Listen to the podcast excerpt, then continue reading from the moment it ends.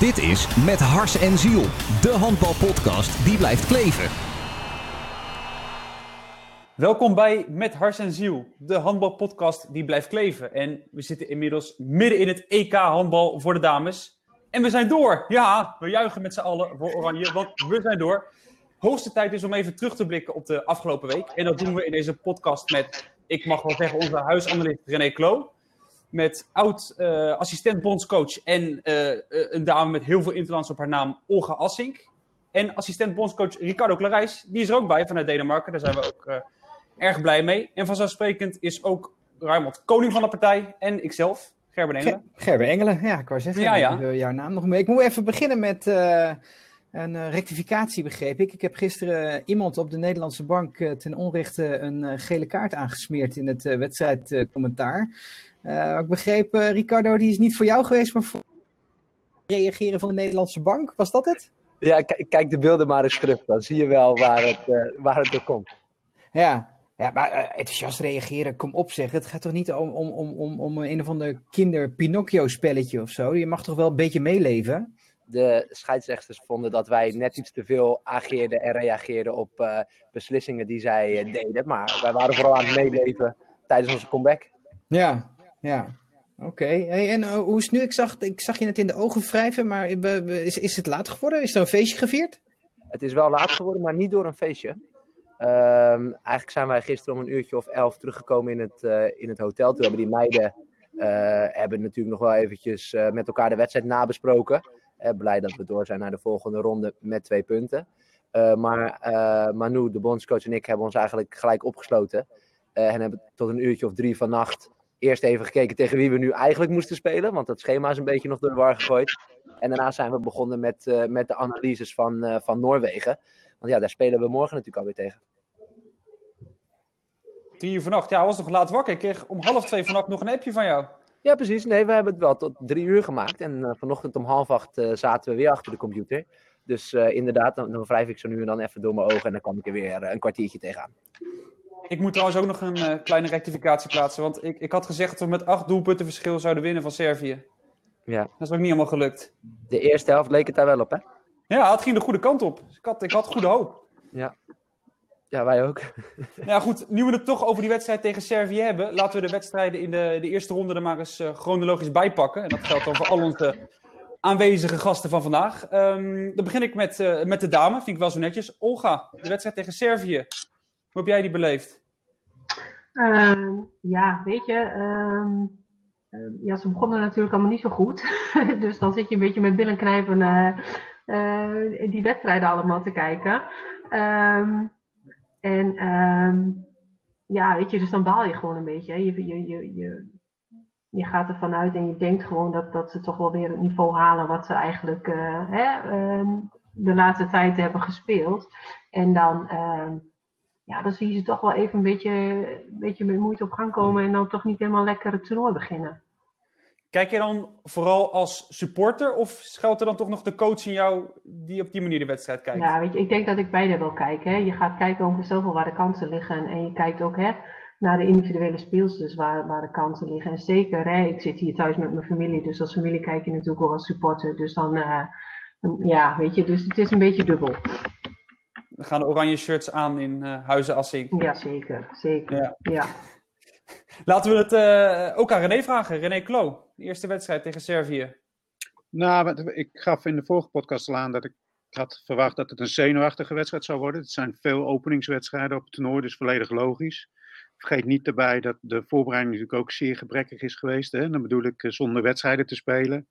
Dus ze hebben alleen twee keer tegen Duitsland gespeeld, heel lang niet samengespeeld. Uh, uh, wat spelers die ze missen, wat nieuwe spelers die ze in moeten passen.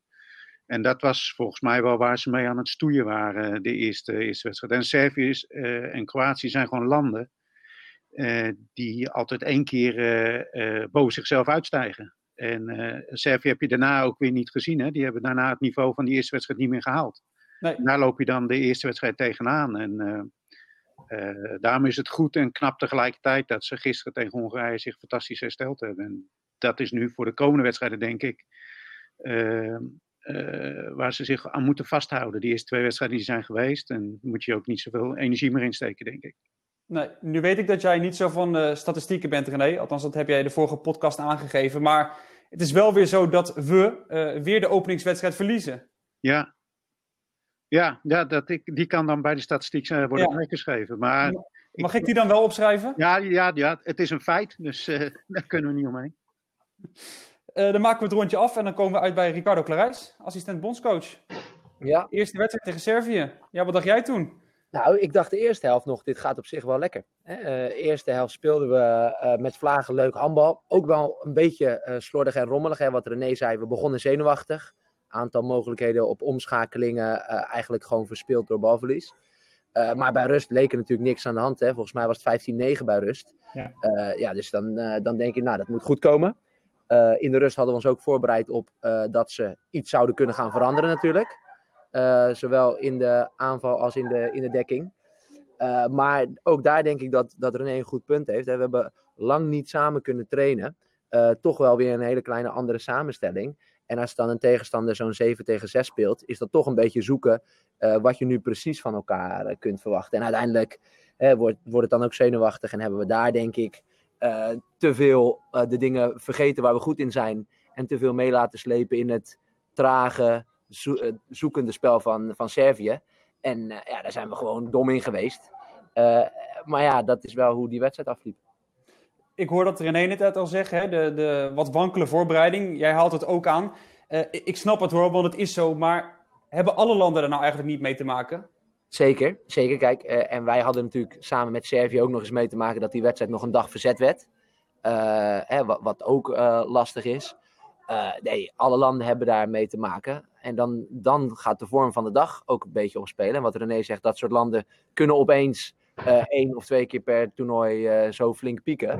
Ja, en als het dan precies tegen ons is in de tweede helft, op het moment dat wij een dipje hebben, dan komt dat niet lekker uit, kan ik je vertellen. Nee, want zeven goals uh, op rij geïncasseerd. Dat mag eigenlijk niet gebeuren op dit niveau.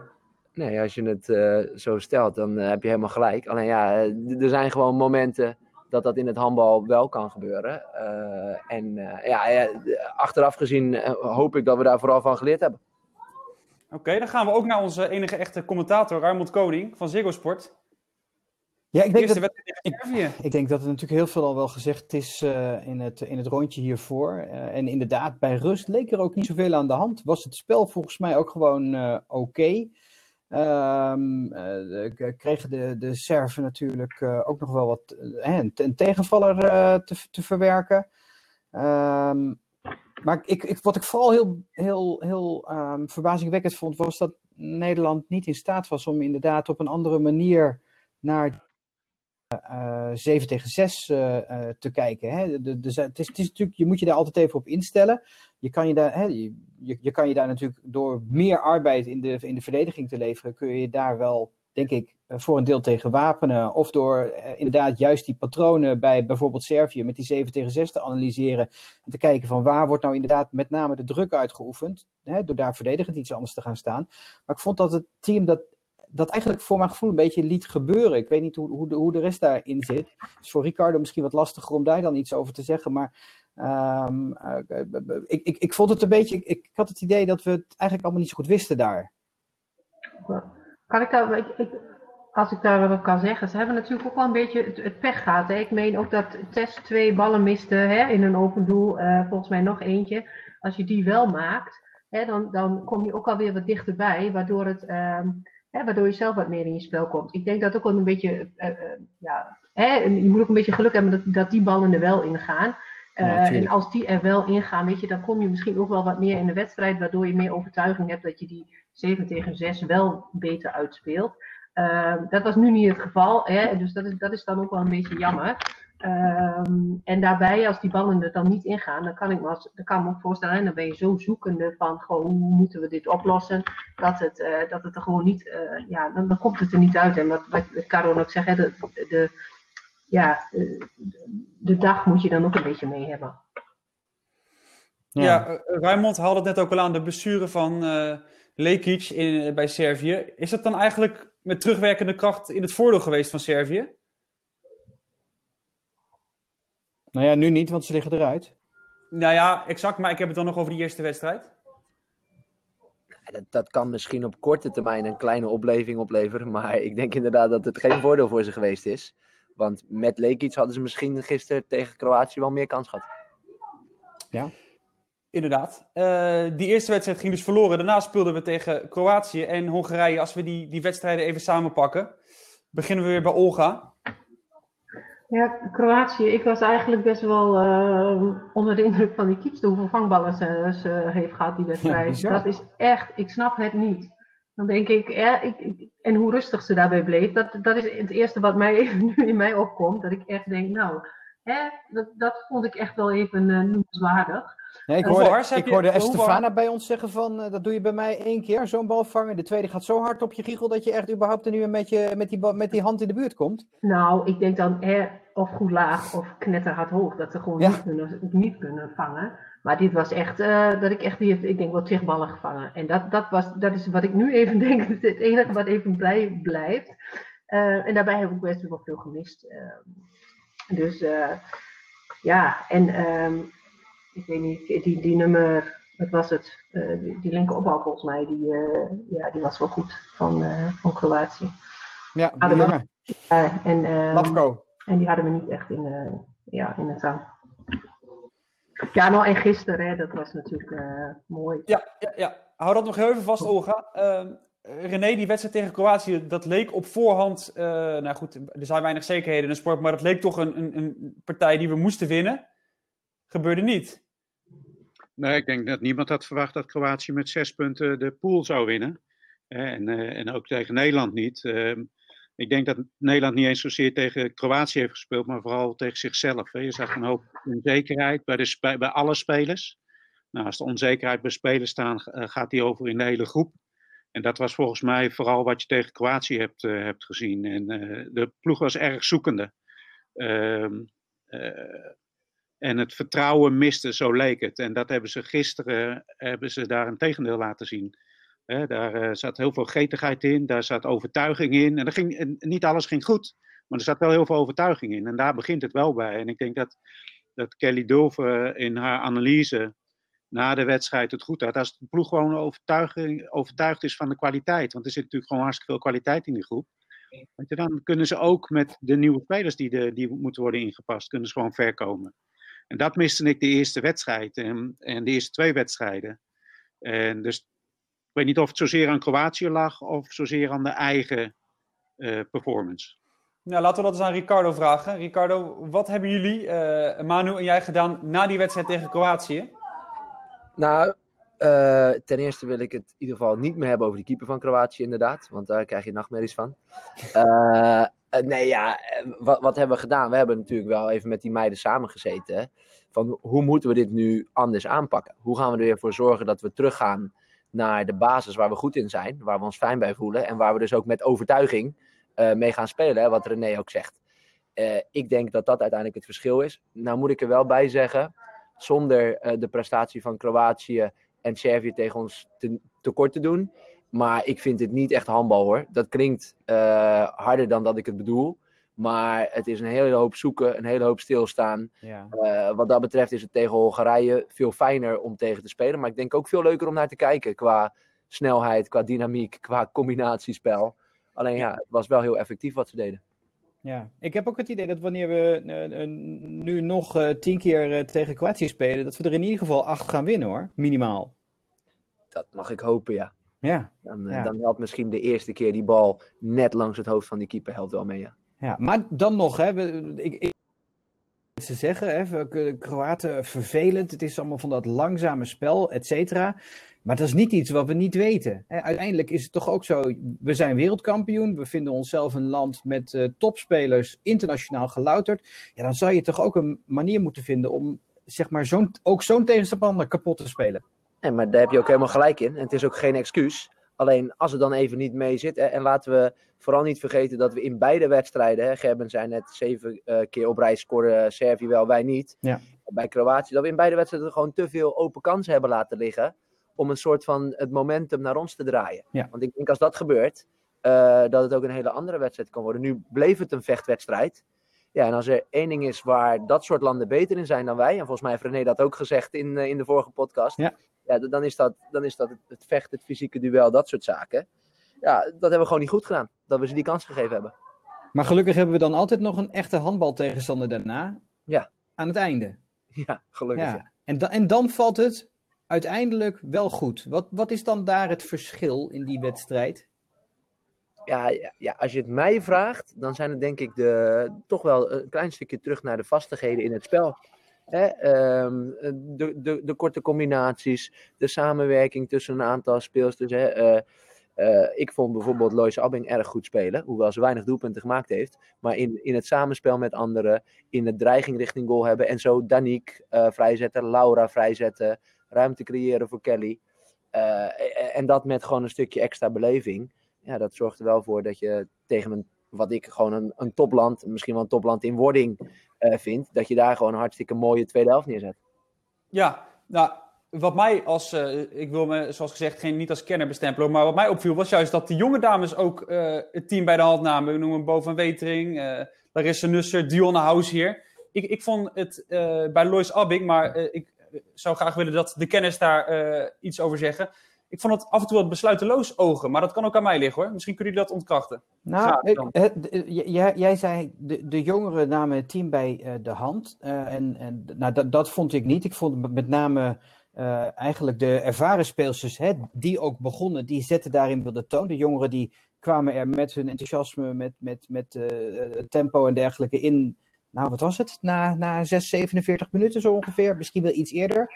Maar daarin maakten ze denk ik wel het verschil. Maar het- het- dit is denk ik ook vooral eh, een, een, een, zegen van het, van het collectief die in de basis eh, ook komt. Doordat je nu vertrouwen krijgt, met, zeker na rust, omdat de dekking dan staat. Hongarije heeft na rust negen keer gescoord, zo uit mijn hoofd. Ehm, weet je, dat, dat is gewoon heel erg goed. Als die dekking staat, geeft dat zoveel vertrouwen. Dan weet je ook dat je eens een keer een mispeer in de aanval kan, ehm, kan hebben.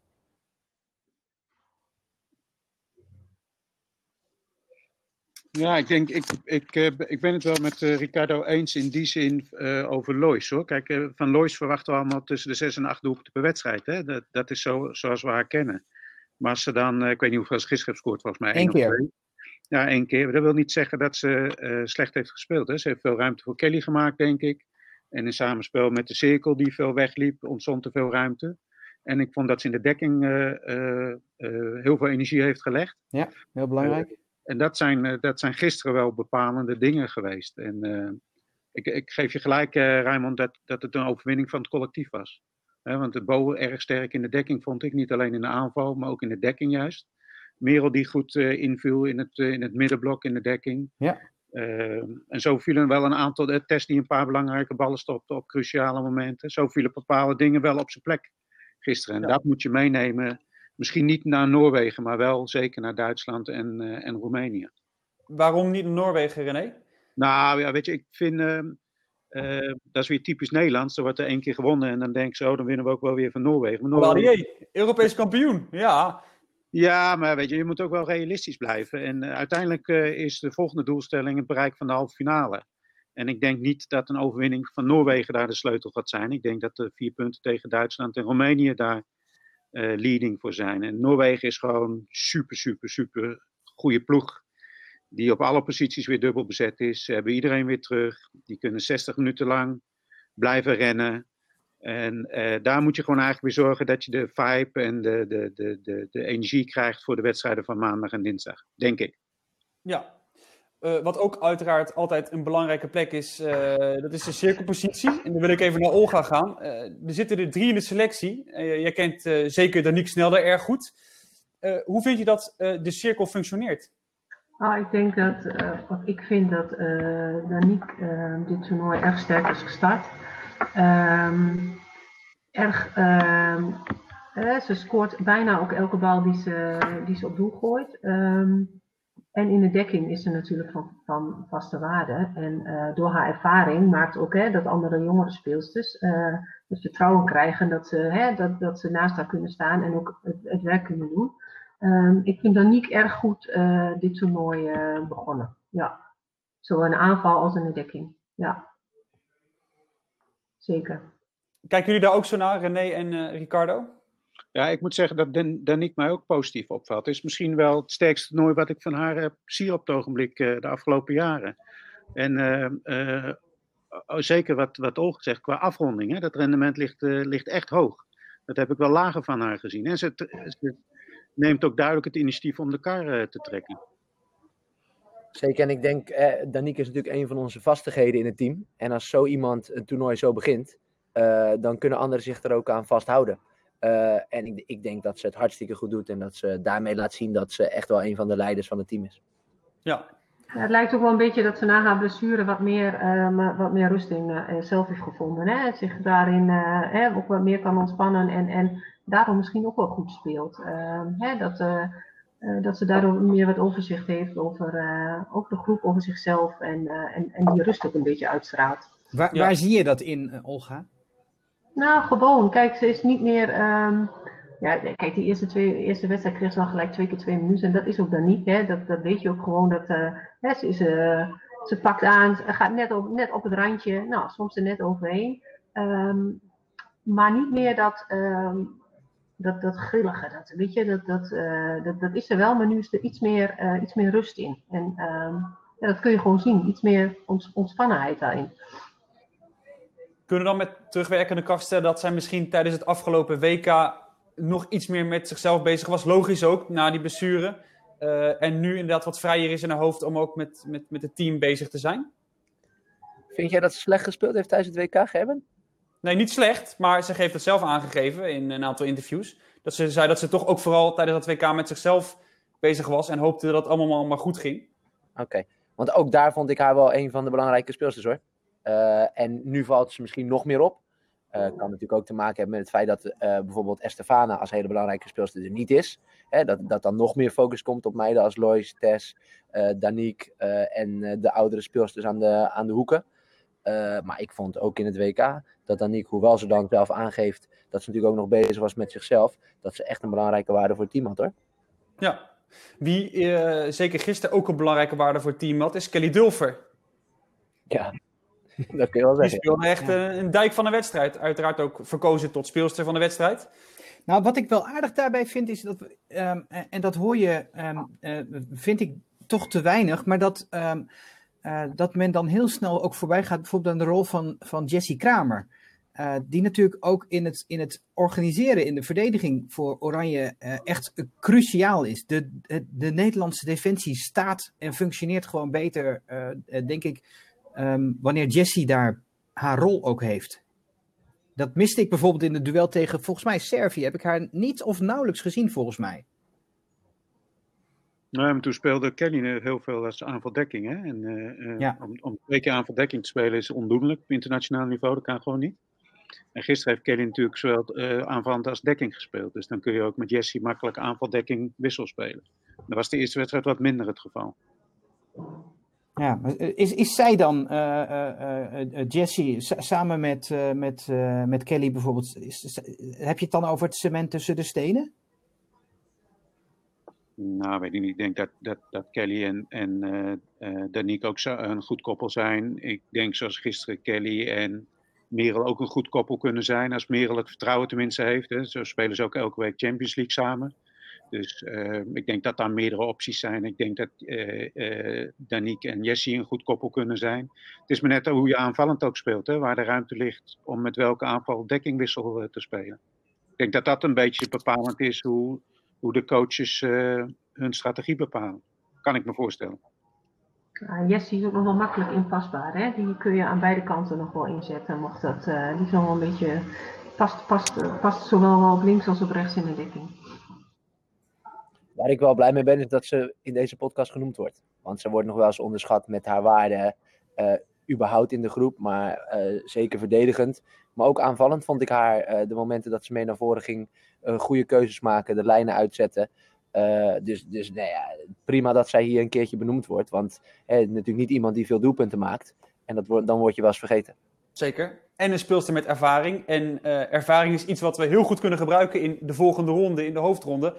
Want eh, ja, hoe kijken jullie aan tegen de wedstrijdvolgorde? Het was nog wel onduidelijk. Er bleken nog wat eh, tv-contracten te zijn en dergelijke. Uiteindelijk eh, hebben we erover geslapen, is iedereen eruit. We spelen eerst tegen Noorwegen, dan tegen Duitsland en dan tegen Roemenië. Olga, is dat prettig om te beginnen tegen Noorwegen? Of juist niet? Ja, normaal zou het fijn zijn als je iets meer in een, in een toernooi groeit. Hè? dat je ze dan net ietsjes later zou, zou treffen. Eh, maar weet je, je moet ze toch spelen. Eh, je, kunt daar, eh, je kunt daar lang over gaan discussiëren. Eh, die wedstrijd is gewoon morgen. En eh, het, zou, ja, weet je, het zou fijn zijn als je hem net een dagje of twee eh, hè, een wedstrijdje later had gehad. Maar hoe dan ook, het is niet anders. Dus je kunt daar heel lang bij stilstaan. Maar eh, het verandert niks. Was het Nou, vorig jaar niet ook wedstrijd nummer 4? Of was het wedstrijd nummer 5 vorig jaar die we speelden op het WK? Maar dat, dat, dat weet ik niet. Maar ik denk dat, dat het eh, niet eens zo nadelig is. Want je hebt straks vier, wedstrijden, of vier dagen om je voor te bereiden op Duitsland en Roemenië. En ik kan me voorstellen dat die tijd heel efficiënt benut gaat worden. En dat zijn nou, denk ik wel de cruciale wedstrijden. Ja, als je Duitsland morgen al had gehad, dan had je maar één dag om je voor te bereiden. En Ja, vanuit dat opzicht kan ik me voorstellen dat, dat, het, dat de coaches blij zijn met deze volgorde. Is dat zo, eh, coach? Je moet hem toch spelen. Dus eh, Ja, eh, ik, ik ben het met René eens dat het heel prettig is dat we langer de tijd hebben om ons voor te bereiden op Roemenië en Duitsland. Omdat die vier punten inderdaad wel een ski zouden kunnen worden. Eh, ik, ik zeg niet dat we kansloos zijn tegen Noorwegen hoor. Eh, want ik denk dat we echt wel iets te- tegen ze kunnen neerzetten. Maar zij spelen wel misschien wel het beste handbal van dit toernooi tot nu toe. Hè, dus wij moeten daar wel echt een goede dag hebben. Om er wat moois neer te zetten. Eh, het enige nadeel aan de verandering van het schema is natuurlijk wel dat je normaal gesproken, wij zijn derde in de pool geëindigd, dat je normaal gesproken de tiende, de twaalfde en de vijftiende zou spelen. Ja. Eh, en nu speel je de tiende, de veertiende en de vijftiende. Ja. Hè, dus, dus twee belangrijke wedstrijden eh, na elkaar met geen rustdag. Dat is het nadeel aan, aan de verandering die plaatsgevonden heeft. Eh, en, en, en het andere nadeel is dat je anders Noorwegen misschien had gehad als ze al gekwalificeerd waren. Maar daar geloof ik niet in met Nederland-Noorwegen. En daar geloof ik ook niet in met Nederland-Duitsland. Eh, dus, dus wat dat betreft maakt dat niet zoveel uit. Nee, het was overigens even het eh, belletje van, eh van 2 voor 12. Het was de vijfde wedstrijd het afgelopen WK. En nu de vierde wedstrijd. Eh, na Noorwegen wacht dan Duitsland. Het Duitsland van eh, Henk Groene. Ja, hoe kijken we tegen die wedstrijd aan? Recent nog tegen gespeeld, begin oktober. Dat was uiteraard een oefenwedstrijd. Maar hoe moeten we die wedstrijd zien? Vraag ik het eerst maar aan René. Ja, een, een- wedstrijd met volop kansen natuurlijk. En eh, Duitsland is ook heel erg zoekende in, eh, de wedstrijden die ik heb gezien. Eh eh, er gaan fases dingen heel goed. Er gaan ook hele lange fases dingen veel fout. Ik vind dat ze enorm veel risico nemen in de omschakeling en snel afsluiten. Dat heeft ze al een paar keer wat punten gekost, denk ik. Ehm, eh, dat, maar dat is ook hun type spel en dat hoort ook bij hun type opbouwers. Eh, maar ja, een wedstrijd met volop mogelijkheden, denk ik. Wordt, wordt, wordt geen makkie, hè? eh, begrijp me niet verkeerd. Eh, maar het is wel een wedstrijd die in, in theorie omgezet moet kunnen worden in, eh, in winst. Het is geen on- onmogelijke opgave in ieder geval. Nee, Olga, hoe kijk jij aan tegen die wedstrijd tegen Duitsland? Nee, ik ben wel eens met, eh, met wat eh, René zegt. Hè, ook als je kijkt naar de, een beetje naar de uitslagen, ze maken niet heel veel doelpunten. Hè? Dus ik denk dat het eh, eh, gemiddeld, ja, weet je, ik denk dat, dat, dat daar ook, hè, als we de, de dekking goed hebben staan en we dan vanuit onze eigen kansen hè, die snelle, eh, snelle tegenaanval in kunnen zetten, denk ik zeker dat er wel kansen zijn. Ehm, dus ja, ik ben het wel eens met, met, met wat René zegt. Eh, Dat is echt ook wel een hele belangrijke wedstrijd natuurlijk, hè, gezien de kansen. Dus ehm, ja, dat is wel ja, de, de, de cruciale wedstrijd eigenlijk. Hoe, hoe zou die nederlaag van, eh, van Duitsland tegen Noorwegen zijn aangekomen? Want dat- dat was niet een beetje een nederlaag, hè? Die Nee, zijn dat was echt, wel een eh, hele van het dikke. veld geslagen. ja. Ja, ik, ik, ik denk eh, dat dat gelijkspel tegen Polen meer iets zegt en meer iets met de ploeg doet. Hè, Kijk, dat je tegen Noorwegen een nederlaag oploopt, ik, ja, ik zou er niet zoveel waarde aan hechten. Dat je gelijkspel tegen Polen, dat, dat zou me wat meer pijn doen als ik eh een buitenland zou staan. Ja, ja. Ja, misschien en- is dat het inderdaad wel, hè? Zeker. En dan hebben we dus eh naar Noorwegen en naar Duitsland wacht als laatste nog Roemenië. Als afsluiting van de hoofdronde. Dan, zijn Ja. we, ja, dan moeten we ons plaatsen voor de halve finale natuurlijk, Ricardo Clarijs. is natuurlijk wel het volgende, volgende doel wat we hebben. En we hebben niet een hele goede uitgangspositie, maar ook niet echt een slechte. Hè? Het is goed dat we gisteren die twee punten mee, eh, meenemen. Ja, Ik denk wel cruciaal. dat je- ja, cruciaal. Ik, en eh, daarmee eh, heb je natuurlijk wel twee overwinningen nodig om boven Kroatië te eindigen. Eh, in de hoop dat Kroatië dan geen wedstrijd meer, meer wint. Dus ja, die twee wedstrijden moeten sowieso gewonnen worden. Maar een puntje tegen Noorwegen minimaal zou ook niet slecht uitkomen om die halve finale te halen. Vorig jaar was dat ook zo. Hè? Vorig jaar had Nederland ook eh, uiteindelijk na die main round hadden we zes punten staan. Dat was toen nog inderdaad eh, behoorlijk eh, rekenen uiteindelijk om ook in die groep toen net boven Servië en Duitsland uit te komen. En, maar in de andere pool was dat toen niet genoeg geweest. Toen stond Montenegro op zes en die greep overal naast. Met name omdat Rusland en Spanje vorig jaar op het WK zoveel punten meenamen, ook vanuit die eerste ronde. Dus ehm, eh, eh, eh, eh, ergens is. ehm, eh, eh, eh, v- vijf, ben je met vijf punten door, denk je? Als je vijf punten uit de main round haalt? Ja, dan ben je wel door. Ik denk dat het vooral belangrijk gaat zijn in de laatste wedstrijd eh, maakt Roemenië nog kans om door te gaan. Als Roemenië geen kans meer maakt, dan is het ook natuurlijk zo'n ploeg die zit met hun gedachten al in het wel in vliegtuig. het vliegtuig, hè? Ja. En eh, heeft Niago er nog zin in? Dat is eigenlijk waar het, waar het bij hun om draait. Als ze nog volop in, de, in, de, de race zijn om ook te plaatsen, ja, dan wordt het een hele vervelende tegenstander. En ook dan eh, zal Niago de speler zijn die het verschil, eh, verschil gaat maken, denk ik. En daar, daar zullen ze zich op voor moeten bereiden. Maar ik denk eh, dat je een wedstrijd voor wedstrijd moet spelen. Nu al bezig zijn met Roemenië is iets wat de trainers moeten doen. Volgens mij moet je als speler van wedstrijd naar wedstrijd leveren. En van dag, van dag tot dag. Zeker. Wat, sta- wat staat er vandaag overigens op het programma, Ricardo? Taart, denk ik, want Debbie is jarig. Ja, zeker. Debbie is jarig. Eh, nee, we, we hebben inderdaad eh, vanochtend even voor Debbie gezongen. En eh, er komt vanavond Debbie Bond, zeker, ja. ja, zeker weten taart. Eh, de meiden hebben een rustige ochtend gehad. Vrije ochtend eigenlijk. Eh, even uitslapen. Natuurlijk weer een, een covid-test. hè, want dat, eh, dat speelt natuurlijk ook nog steeds eh, door. Eh, en eh, net geluncht. En vanmiddag gaan we even naar de, naar de hal toe om, eh, om wat uitlooptraining te doen. En met de meiden die wat minder gespeeld hebben, wat, wat baltraining te doen. En volgens mij is er vandaag ook nog een persmoment verder.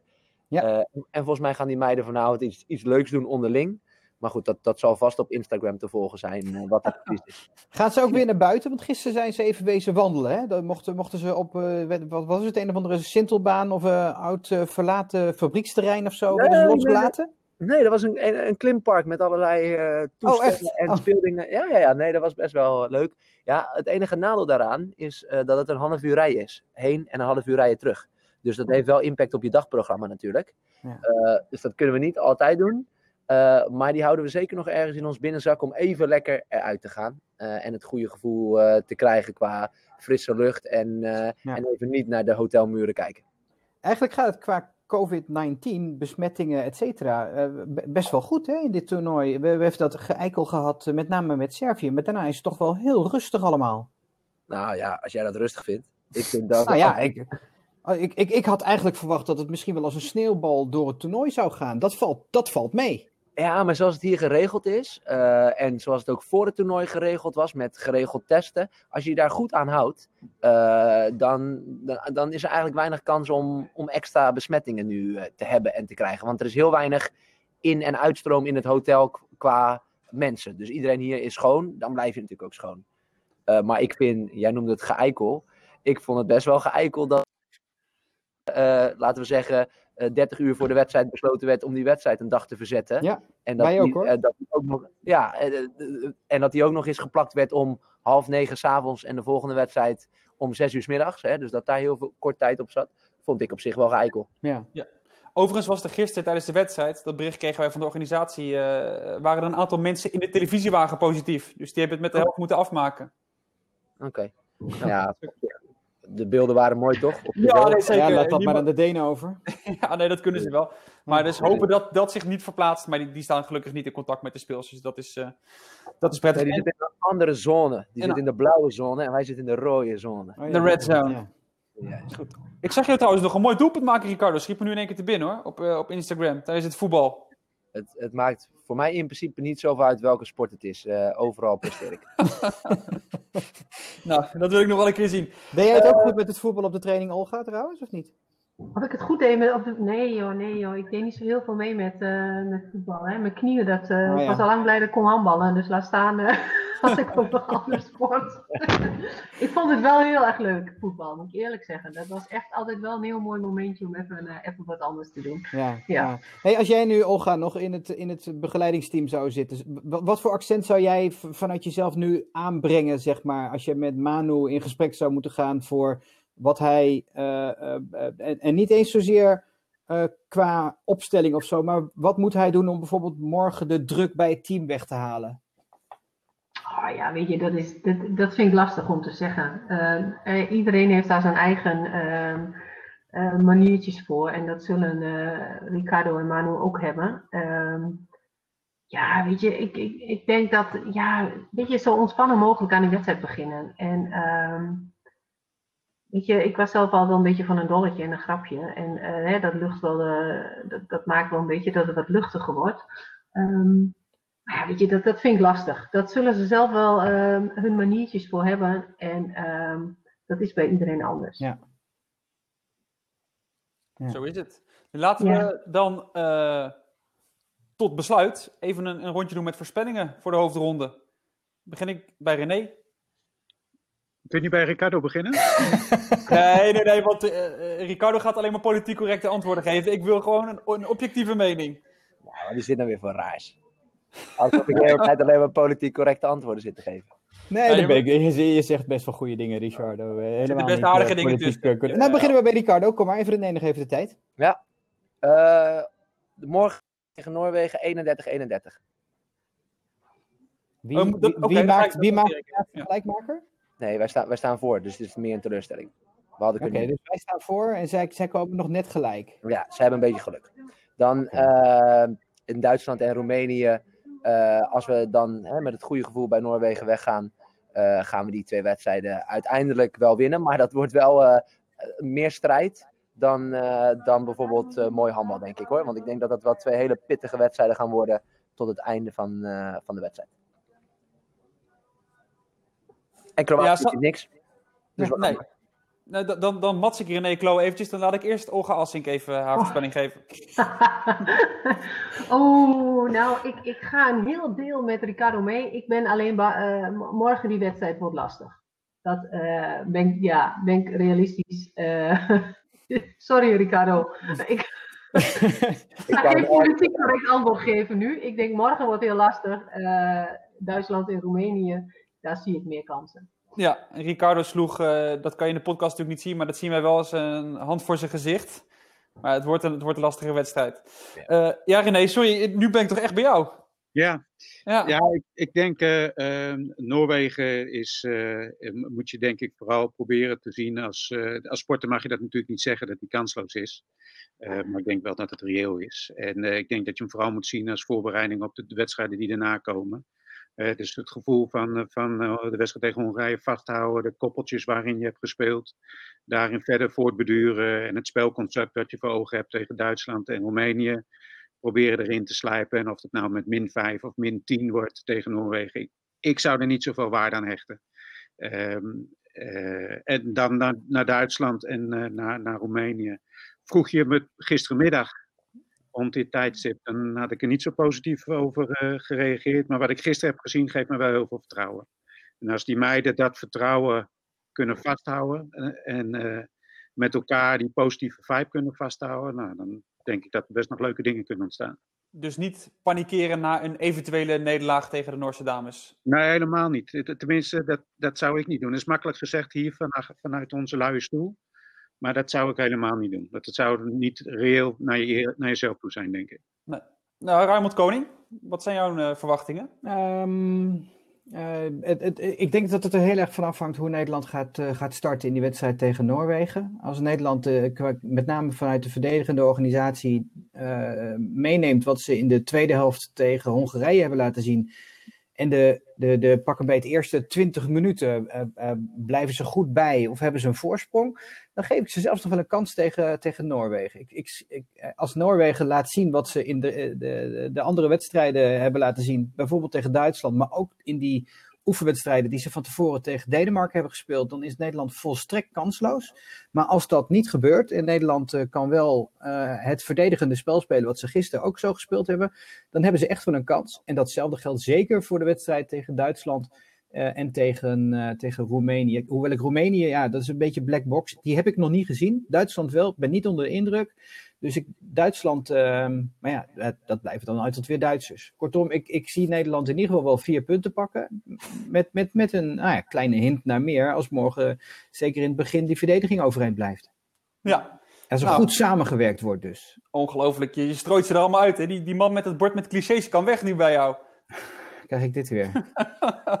nee, maar we gaan er positief uit. Wees de cliché-koning. Ricardo die heeft ob- obligate antwoorden. En jij stelt, eh, jij stelt de vragen. Ja, natuurlijk. Dat, zo heeft lekker ieder zijn dan. rol in het, in het leven. Maar er Lijkt- blijft weinig over, hè, René? Ik hoor jullie niet. Jullie, krijgen, jullie krijgen de complimenten blijkbaar deze keer. eh, ja, ja, Olga natuurlijk. Ja, nee, Ja. zeker. Nee, dat lijkt me niet meer dan terecht. Zeker voor Olga, die, die, die hebben er graag bij.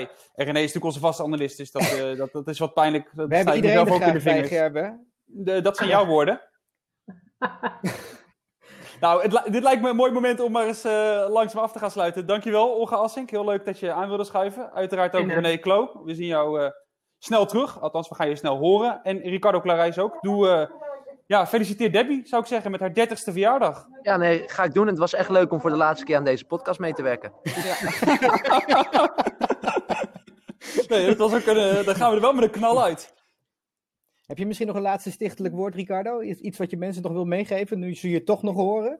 Nee hoor, eh, vooral gewoon lekker handbal blijven kijken, want volgens mij eh, komen er alleen maar leuke wedstrijden aan. Ja, Zeker. Die wedstrijden zijn uiteraard te zien. Ik maak dan toch maar even reclame op Ziggo Sport. Morgen tegen Noorwegen vanaf 5 over 8. Eh, hoe en wat is toch niet helemaal duidelijk. Maar Studio-uitzending, hè, met gasten. Ja, zeker, vanaf 5 over 8. Studio-uitzending. Eh, waarschijnlijk Estefana Polman te gast, maar dat is nog even onder een klein voorbehoud. In ieder geval gaan we er een, mooie uitzending van maken. En eh, mocht je meer van onze podcast willen zien, horen, voelen, ruiken enzovoort, ga dan naar onze social media accounts, Twitter met Hars en Ziel of de Instagram pagina. Heel veel dank, René, Klo nogmaals, Olga Assink en Ricardo Clarijs. En vanzelfsprekend gaat het ook voor mijn eh compaan Raymond Koning. Dank voor het luisteren allemaal en graag tot een volgende keer. Dit is Met Hars en Ziel, de handbalpodcast die blijft kleven.